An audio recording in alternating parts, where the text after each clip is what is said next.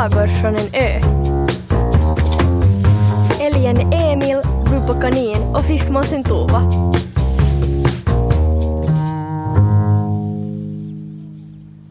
Tova låg och skvalpa i vattenbrynet. En vänlig vind gjorde precis lagom stora vågor så hon kunde blunda en lång stund utan att vara rädd för att flyta bort. När hon öppnade ögonen igen fick hon syn på älgen Emil som kom klampande över klipporna. Han stannade framför Tova med ett generat leende. Vad tycker du? frågade han. Jag tycker att det är en härlig sommardag. Jag, jag menar om eh, mig. Va, vad tycker du om mig? Att du är en trevlig älg. Vad annars? Emil sträckte på sig. Märker du inget särskilt? Tova vände huvudet hit och dit för att se på sin vän ur olika vinklar. Ah, du har fått brun sommarpäls. Fast det var väl redan för ett tag sedan? Mm, något annat, sa Emil och lät kränkt. Glasögonen sitter lite snett. Bubba kanin kom skuttande. Öronen stod ut åt sidorna och det syntes på långt håll att hon var upprörd. Konstiga svartvita fåglar har klivit i land på vår holme, ropade hon. Eh, de ser ut som om de bar frack. Alla har kameror och röda kepsar och de bugar så här. Hon gjorde en högtidlig min och böjde ner huvudet över sin runda mage. Jag hämtar min kikare, sa Tova och flög iväg. Hmm, märkligt, sa Emil. Men det finns också annat som är märkligt idag, eller snarare speciellt, stiligt och speciellt. Märker du inget särskilt? fortsatte han då Bubba bara fortsatte prata om de där konstiga fåglarna. Bubba tystnade och tittade på Emil. Du har tandkräm på mulen. Böj ner huvudet så gnuggar jag bort det, sa hon och spottade på sin tass. Tova kom tillbaka med kikaren runt halsen. Hon flög upp i en tall och spanade över Klövholmen. Pingviner! utbrast hon. Massvis med pingviner! Det finns runt hela holmen. Men vad gör de här? undrar Bubba. De är turister, ropar Tova från tallen. Jag ser deras lyxkryssare i viken. Inte kan de väl komma hit så där bara, sa Bubba. Tova gav upp ett stridsrop. Vi måste jaga bort dem! Pingvinerna fanns verkligen överallt. Klyvholmen är ett privat område, iväg med er!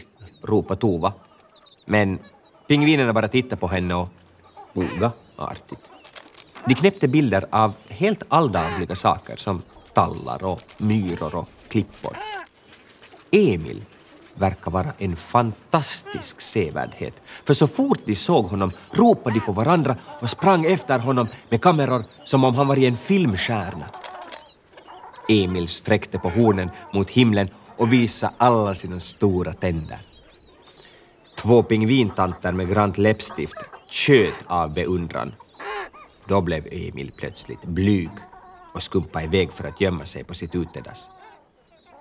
På sandstranden stod en pingvinguide och pratade i mikrofon med ett tiotal andra pingviner och två tonårspingviner satt en bit därifrån och petade på sina mobiltelefoner och prasslade med sina godispåsar. De stoppade näbbarna fulla med godis och slängde pappren i sanden. De skräpar ner, sa Bubba. Tova viftade argt med vingarna åt tonårspingvinerna och röt åt dem att plocka upp sitt skräp men de bara tittade på varandra och skrattade. Då flög Tova fram till guiden och avbröt honom mitt i en mening. Flyg dit pepparn växer! skrek hon. Bubba tyckte att Tova var lite väl ovänlig. Pingviner kan inte flyga, förklarade guiden lugnt på Tovas och Bubbas språk. Men vi ska inte störa er längre. Ursäkta att vi har varit i besvär. Han tog fram en visselpipa och vissla en gällsignal som eka över hela Klövholmen. Minst hundra pingviner kom springande på korta ben från olika håll, var ut i vattnet och simmade till lyxkryssaren. Deras små vingar snurrade som propellrar i vattnet och de var framme vid båten på några sekunder. Flera pingviner ställde sig ute på däck och vinkade när båten for iväg. Bubba och Tova vinkade tillbaka. Snart var den stora lyxkryssaren bara en liten prick på havet. Tova och Bubba plockade karamellpapper i solskenet och funderade på varifrån pingvinerna kommit och vart de var på väg nu. Ja, konstiga typer, sa Tova. Som inte ens kan flyga och som tycker att en vanlig älg är någonting att tjuta över. Mm, men, men de var vänliga, tyckte Bubba. Eh, till och med när du skrek, skrek åt dem och, och skickliga på att simma. Just då hörde de steg av klövar och upptäckte Emil som stod en bit högre upp på stranden. Var är alla pingviner? frågade han. De åkte just iväg, sa Bubba. Mm, vad bra, sa Emil, men, men han lät inte speciellt glad. Han vandrade ner till strandkanten och såg ut över havet. När Bubba tittade på honom upptäckte hon något märkligt. Först trodde hon att det bara var solen som lyste på Emils horn, men det måste vara något annat. Emil, sa Bubba, vad har hänt med dina horn? De glittrar. Emil vände sig om och nu såg också Tova att hornen gnistrade likt diamanter. Ja, ja, jag har satt lite glitter i dem, sa han. Men ni märkte ingenting. Bubba skuttade fram till Emil och omfamnade hans ena ben. Så stolliga vi var, sa hon. Det är nog för att vi är så vana att se dig.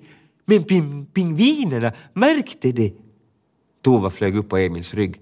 Vilka fantastiska horn!